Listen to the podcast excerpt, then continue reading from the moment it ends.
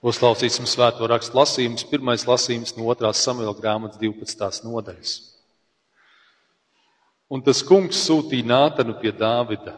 Kad viņš bija pie viņa nonācis, tad viņš tam sacīja: Divi vīri bija vienā pilsētā, viens bagāts un otrs nabaks. Bagātajam bija ļoti daudz sīklopu un lielopu, bet nabagajam no visa tā nebija itin nekā, kā vienīgi viens pats jēriņš, vēl gluži mazs ko viņš bija pircis un izaudzējis, un kas bija pie viņa izaudzis kopā ar viņa bērniem. Tas ēda no viņa maizes riecienu, dzēra no viņa kausa, un pie viņa krūtīm gulēja, un šī mazā aitiņa viņam bija kā paša meita. Un kad kādā dienā pie bagātā vīra ieradās viesis, tad viņam bija žēl ņemt ko no savu sīklopu un lielo pulka, lai sagatavotu mīlestību viesim, kas bija pie viņa atnācis bet viņš ņēma nabagā vīra aitiņu un to sataisīja savam ciemiņam. Tad Dāvids iedegās ļoti lielās dusmās pret šo vīru, un viņš sacīja Nātanam: Tik tiešām, ka tas kungs ir dzīves, tas vīrs, kas to ir darījis, ir nāvi pelnījis. Un to jēriņu, lai tas izlīdams atdod četrkārtīgi, tādēļ, ka viņš tā ir rīkojies, nav bijis līdzcietīgs. Tad Nātans atbildēja Dāvidam: Tu esi tas vīrs. Tā saka tas kungs, Izraēla dievs, es esmu tevi svaidījis par ķēniņu Izrēlam, un es esmu tevi izglābis no saula rokas. Un es esmu tev devis tava kunga namu un tava kunga sievas tavā klēpī, un es esmu tev arī devis Izrēlu un Jūdas namu. Un ja ar visu to nepietiktu, tad es vēl šo un to pielikšu. Kāpēc tad tu esi noniecinājis tā kunga vārdu, darīdams to, kas ļauns viņa acīs?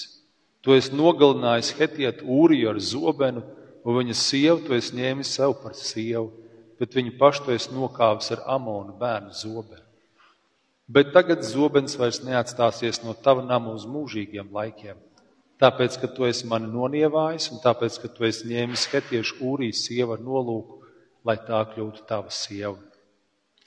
Tad Dāvids sacīja Nātanam: Es esmu grēkojis pret to kungu.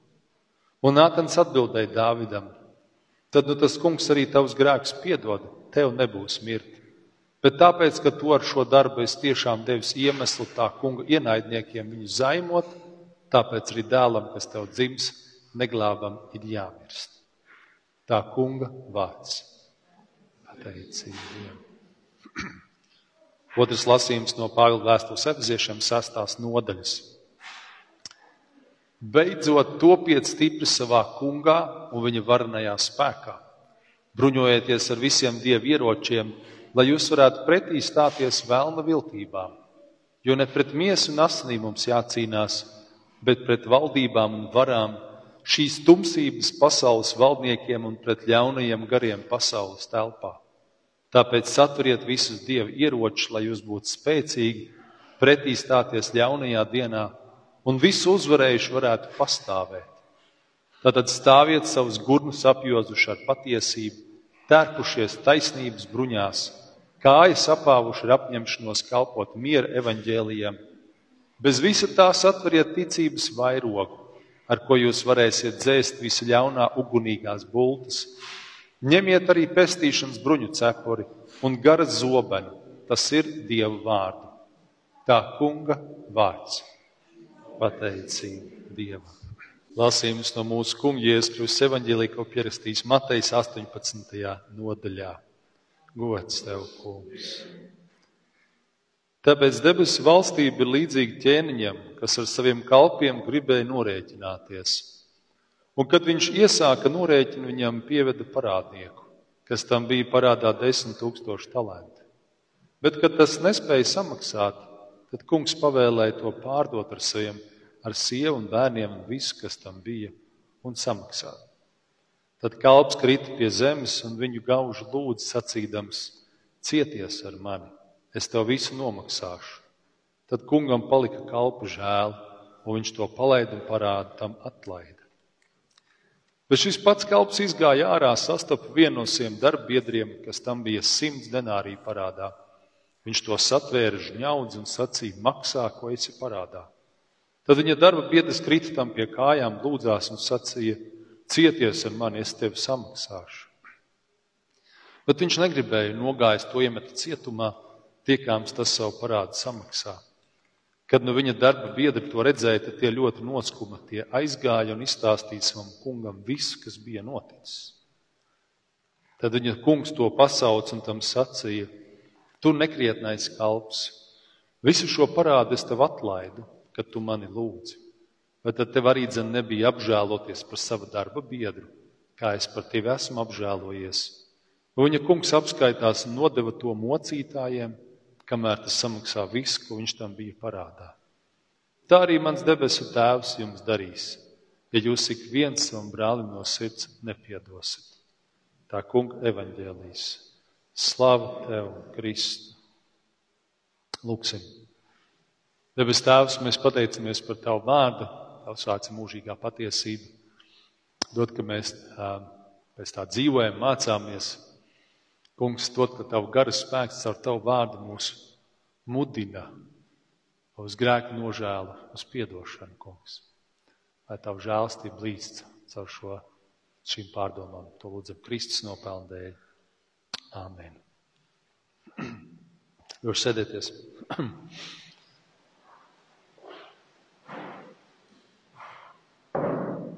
Pagājušā reizē runājām par uh, Piedošana kaut kā tā tematika atkal atgriežas par piedošanu, varbūt tādu dziļāku varbūt skatījumu. Es pieļauju, ka kādam no mums šeit ir vajadzīgs tāds par to vēl dzirdēt un dziļāk dzirdēt, lai varētu piedot.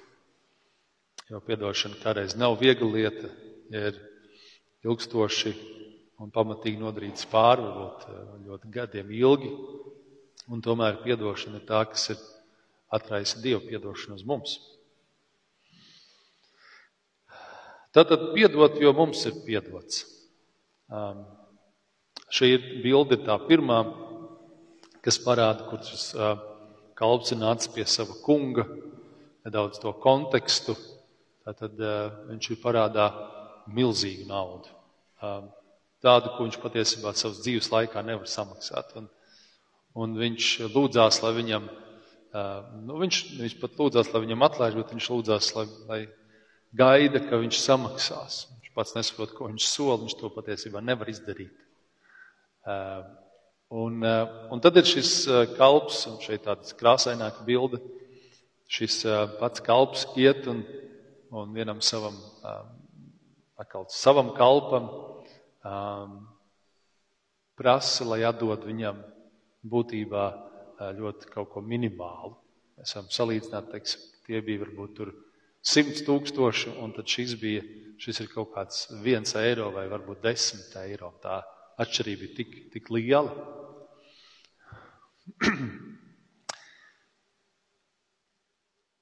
Kad mēs domājam par to kalpu, kurš nepiedeva, Dievs viņu nosoda. Patiesībā mēs Bībelē, jaunajā derībā, nemaz tik daudz nelasām vietas, kur Dievs tā baigi nosoda. Mēs varam lasīt, ka ka Jēzus nosodīja farizējus, kur uzskatīja sevi augstāk par citiem, kur domāja, ka viņi ir pareizāki un labāki, ka viņi visu ir izdarījuši, viņiem nekā nevajag. Un tad Dievs nosodīja to vienu vīru, kas talantus, savu talantu izniekoja un apraka un nedalījās ar to, nedarīja. Droši vien vēl kaut kas bija, Bet šis ir tas trešais gadījums, kad Dievs nosoda, ja tu nepiedod. Jo tas ir tik acīm redzami, īpaši šajā līdzībā, cik daudz vairāk Dievs vai šis kungs piedod savam kalpam, cik daudz vairāk Dievs mums piedod. Un, ja mēs to tā neapzināmies, cik daudz Dievs mums ir piedevis, ir labi kādreiz uzprasīties Dievu, kad ir tāda mierīgāka, klusāka diena, Tagad tie pelēkie vāli nāk virsū Latvijai ar drūmajiem laikapstākļiem. Ir laiks varbūt domāt un ieslīgt. Bet ne, ieslīgt nevis sevi žēlošanā, varbūt, bet ieslīgt sirdsapziņas izmeklēšanā. Ko es esmu darījis vai ko es neesmu darījis? un kur es esmu noziedzies pret Dievu un saviem tuvākajiem. Un, ja mēs tā ieslīgam, droši vien es ticu, ka, um, ka Dievs mums uzrādīja, cik daudz mēs esam grēkojuši un aplam darījuši, un, un Dievs to visu piedod Kristus nopelnu dēļ.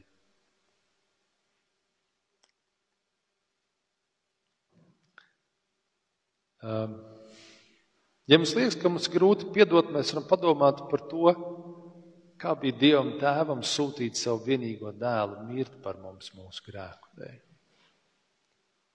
Um, mēs varam atcerēties, šodien bērnu runās par Abrahāmu, dzirdējām, arī Abrahamam bija šis izaicinājums, ka viņam bija gandrīz jāupurē savus dēlus. Tas bija um, kā tāds neliela aina tam, ko Dievs pēc tam pats tiešām izdarīja.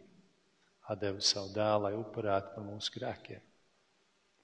Kā būtu, ja mūsu bērnu kādu vajadzētu ziedot, ja mēs tā varam teikt, jocīgi skan, bet atdot par kādu nešķīstu, nekrietnu cilvēku grēkiem. Ne? Padomāsim par Dāvidu. Padomāsim, kā Dāvids bija, dzirdējāt lasījumā Samuela grāmatas. Tur nebija tas, tur bija tas lasījums tikai no tā, kur Nātnēls atnāk un viņam pasaka, ka viņš ir grēkojis. Un, bet pirms tam bija tas stāsts par to, ka Dāvids bija pārkāpis laulību, ja pareizāk pat, kā mēs dzirdējām, nogalinājis kaimiņu. Viņš bija uzlūkojis viņu sievu, lai būtu ar viņu kopā. Un šis ķēniņš, kurš patiesībā, ja baigi grib, var darīt, ko viņš grib, cilvēciski, viņš ir ķēniņš. Bet tad, kad viņa pravietis viņam uzrāda viņa grēku, viņš tulīt nekavējoties, kā mēs varam teikt, izklājas. Viņš saka, es esmu grēkojis pret to kungu. Momentā.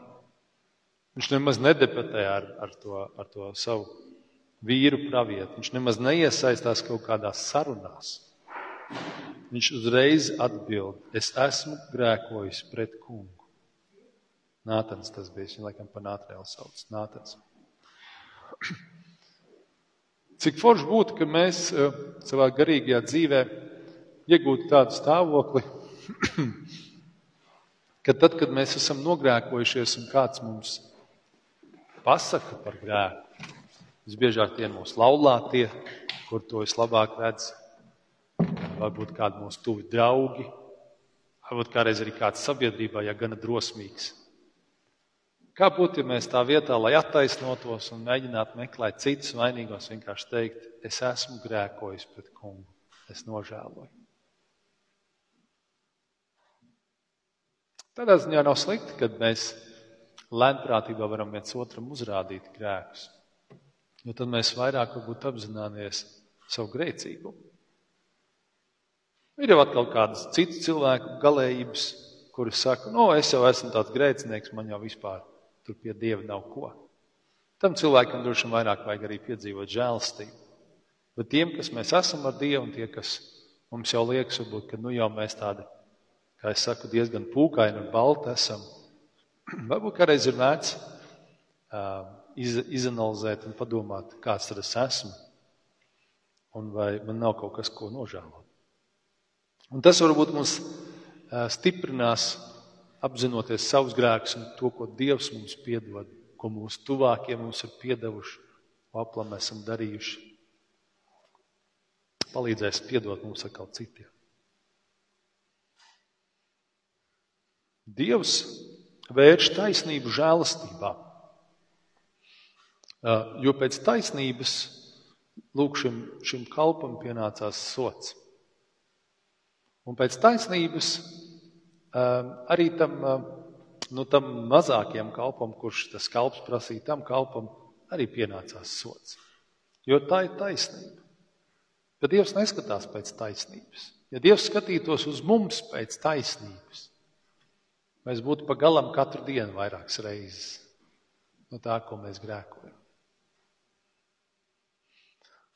Bet kā mēs lasām rakstos, ka Dieva dusmas uz īsu laiku un žēlstību mūžīgi. Romiešu 11.6 mēs lasām, bet ja pēc žēlstības, tad vairs ne no darbiem, citādi žēlstība vairs nebūtu žēlstība. Arī ar saviem darbiem mēs nevaram nekādīgi izdzēst to, ko esam izdarījuši. Kā saka, izliet ūdeni nesasmels. Mēs kaut ko esam pateikuši, izdarījuši. Mēs nevaram atbūt to atpakaļ, mēs nevaram atdarīt atpakaļ. Mēs varam tikai nožēlot. Un tiem, kas pret mums ir izdarījuši, mēs varam tikai piedot. Viņu es nevaru paņemt to atpakaļ. Un kādreiz cilvēki mēģina darbiem kaut kā izlīdzināties un izdarīt, bet tas nav iespējams.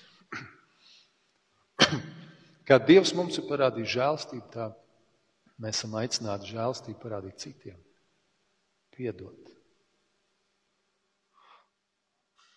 Es biju tagad Amerikā, runājot ar Amerikas draugiem no Sun Network, kas brauc mums te Bībeles nometnes vadīt. Viņi arī šeit baznīcā bijuši. Šogad arī jūnijā viņi bija tā, atcerieties, es apsveicinās un nāks dievkalpojumu. Pie viņiem dzīvo viena uh, meitene no Albānijas. Uh, kad sākās uh, karš Ukrainā, tad viņi paņēma pie sevis divas ukraiņu meitenes, vienas ukraiņu ģimenes, kuri pazīstam Ukrainā projām. Un, um, un, um, un tad arī tā sanāca, ka no Albānijas partneriem arī viena meitene no Albānijas. Tad viņam bija trīs pusauga meitenes, tādas starp 17 un 20 gadiem. Um, un um, šī Albānijas meitene, dzīvojot amerikāņu misionāru mājā, kas ir ļoti, ļoti labvēlīgi, žēlstības pilni, viņi nespēja šo žēlstību pieņemt. Tāpēc, ka Albānijā viņa dzīvojas musulmaņu vidē. Un musulmaņu vidē nav žēlastības. Musulmaņi joprojām dzīvo pēc vecās darbības principa - acis pret aci, zobu pret zobu. Ko es tev, to tu man. Tur ir spēcīgi un kārtīgi likumi un kārtības, un tur nav žēlstības. un viņi atnākot šeit uz, uz Ameriku, dzīvojot šajā mājā, ikdienā ļoti tuvu ar šiem cilvēkiem. Labi, protams, tā nav viņas ģimene, tie ir tā, kā, tā vieta, kur viņi dzīvo. Bet viņa stāsta šajā Amerikā, viņai tik ļoti grūti ir pieņemt šo žēlstību. Nevar noticēt, ka tas ir pa īstam. Nevar noticēt, ka tā var būt vispār. Ir izaugusi ar pilnīgi savādāku domāšanu.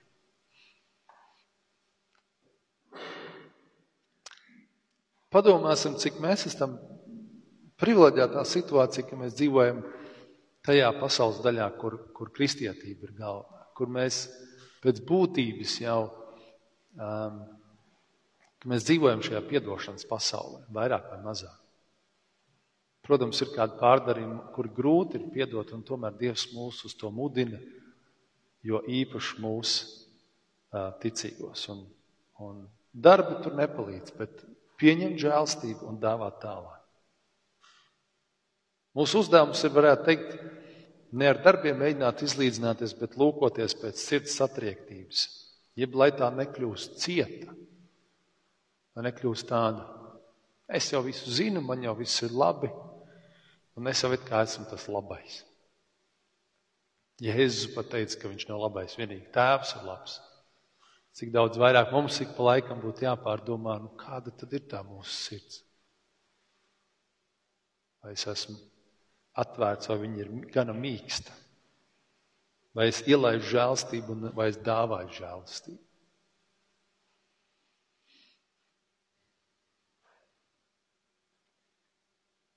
Kāda varbūt teiks, nu, ja jau tik daudz žēlstības, tad jau pasaulē tūlīt iestāsies anarhija. Visi darīs, ko grib, viss būs tāds Nu, tā jau liekas, varbūt kaut kur arī tā notiekās, kad nezinu, varbūt skolās bērniem nav nekādas tiesības, vai vēl kaut kur nav tiesības, katrs dara kā grib. Bet Luters runā par šo, viņš saka, pasaulīgas lietas pasaulīgiem. Evangelijas domāts ļaudīm, kuri tic Dievam, vēl sekot Jēzum uz Dievu valstī. Pasaulē ir jābūt taisnībai, pasaulē ir jābūt uh, zobs pret zobu un miesu pret miesu. Ja cilvēks kaut ko aplam izdarīs, tad viņam arī pienāk sots, un tas ir vajadzīgs. Un tas pat ir taisnīgi, un pēc pasaulīgā skatījuma um, tam kalpam, kas bija, um, kurš, kurš pieprasīja savam, um, savam savukārt kalpam to mazo parādu, uh, viņam bija taisnība. Neviens to nevarētu pārmest, no viņš bija viņam parādā. Un, ja nav parāds atdots, viņam ir tiesības iemest cietumā. Bet tas, ko Dievs runā, šeit Jēzus stāsta šo līdzību, mēs, kas esam jaunās darības cilvēki, mēs esam kas kristieši, kas esam izvēlējušies sekot Kristum. Dievs mūs aicina domāt bišķi vairāk. Viņš aicina mūs bišķi savādākiem būt. Mēs uh, sekojam Kristum, no ticīgajiem Dievs sagaida vairāk. Ko Dievs sagaida no mums? Mēs varam jautāt, Dievs, ko tu sagaidi tajās vai šajās attiecībās? Ko tu sagaidi, kāda žēlstība, lai es parādu cilvēkam, vienam vai otram? Tas nenozīmē, ka kāds cilvēks mūs var pilnīgi iznīcināt, un mēs ne, neko par to neteiksim. Nē. Bet uh, tas nozīmē par to, ka mēs, tad, kad cilvēks mums izdarīs pāri, mēs izvēlamies piedot. Mēs varbūt izolējamies no šī cilvēka, ja viņš mums varētu regulāri darīt pāri. Mums nav jābūt viņu kopā, varbūt, ja tas ir iespējams. Bet Mēs izvēlamies piedot, mēs izvēlamies parādīt žēlstību. Tātad soda vietā žēlstība. Un tomēr Dievs soda tos, kur nenožēlo. Mēs varam teikt, ka pat ne tā, ka soda Dievs, bet tie, kur nenožēlo, vai tie, kuri nepiedod, pie viņiem neiestājas Dieva piedošana. Pie viņiem neiestājas Dieva žēlstība. Un tas ir tā kā sots. Tas nav tā, ka Dievs speciāli, bet tā ir mūsu pusē patiesībā izvēle. To, ko mums izdarījuši pāri, ja mēs nenožēlējam, to, ko, jā, ne, mēs, to, ko mēs esam izdarījuši, mēs nenožēlējam, to, ko mums izdarījuši pāri, mēs nepiedodam, tad, tad Dieva žēlstība nav pār mums. Tad Dievs nepiedod mums mūsu grēkus, mēs lasām.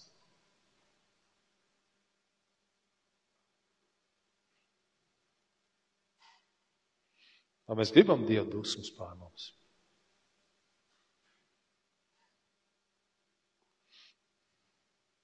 Droši vien, ka mēs negribam. Kā Bībelē mēs lasām, um, es arī psalmos Dāvids par to runāja, ka Dievs, lai tavas dusmas labāk nāk nekā cilvēka dusmas, jo pie Dieva vienmēr ir vēl kaut kāda žēlastība. Un tomēr, ja mēs apzināti, zinot, ka mums ir jāpiedod, ka mēs izvēlamies nepiedot, tad mēs paši nostājamies tajā pozīcijā, ka mēs sakām, nē, es to negribu. Es negribu Dievu žēlstību. Gan es kaut kā pats tikšu galā. Bet vai mēs varam palikt? Tik galā paši droši vien, ka nē. Tas mūsu uzdevums, kā es minēju, ir lūkot pēc šīs sirds satriektības. Kā Dāvids 51. psalmā, kur viņš uzrakstīja visticamāk tajā mirklī, kad viņš gavēja pēc eh, nātana apciemošanas. 51. psalma, kas ir šis grēknožēls psalms, kur 19. pantā saka, upuri, kas patīk Dievam, ir satriekts gars, salauzt un sagrauzt sirdi, tu Dievs nenoraidīs. Tā ir tā mūsu galvenā atbildība Dieva priekšā, lūkoties, kas notiek ar mūsu sirdi ka mēs neesam lepni kļuvuši, vai neesam iedomīgi, cieti, nepiedodoši. Un tad Dievs nāk ar savu žēlstību. Izvēle mūsu pusē, un tur ir tie nosacījumi. Ja tu esi izdarījis aplamu, nožēlo, ja tev ir izdarīts, tad piedod. Paldies Dievam, ka viņa žēlstība pastāv mūžīgi Tas, tas, ko mēs dievkalpojam beigās, arī dziedam pēc vakarēdienas, kad esam saņēmuši. Pateiciet tam kungam, jo viņš ir laipnīgs, no viņa žēlastība paliek mūžīgi. Mēs to atgādinām sev. Bet sākums ir ar grēknožēlu dievkalpojumu sākumā. Vienmēr, kur mēs nākam, mēs sakam, Dievs, man vajag tavu piedošanu. es esmu grēkojis, man vajag tavu piedošanu. Tad, izjot cauri dievkalpojumam, mēs izējām cauri tiem notikumiem, un mēs pārdomājam, un beigās sakam, Kungs, paldies, ka Tev žēlstība paliek mūžīgi. Viss gods Dievam. Amen.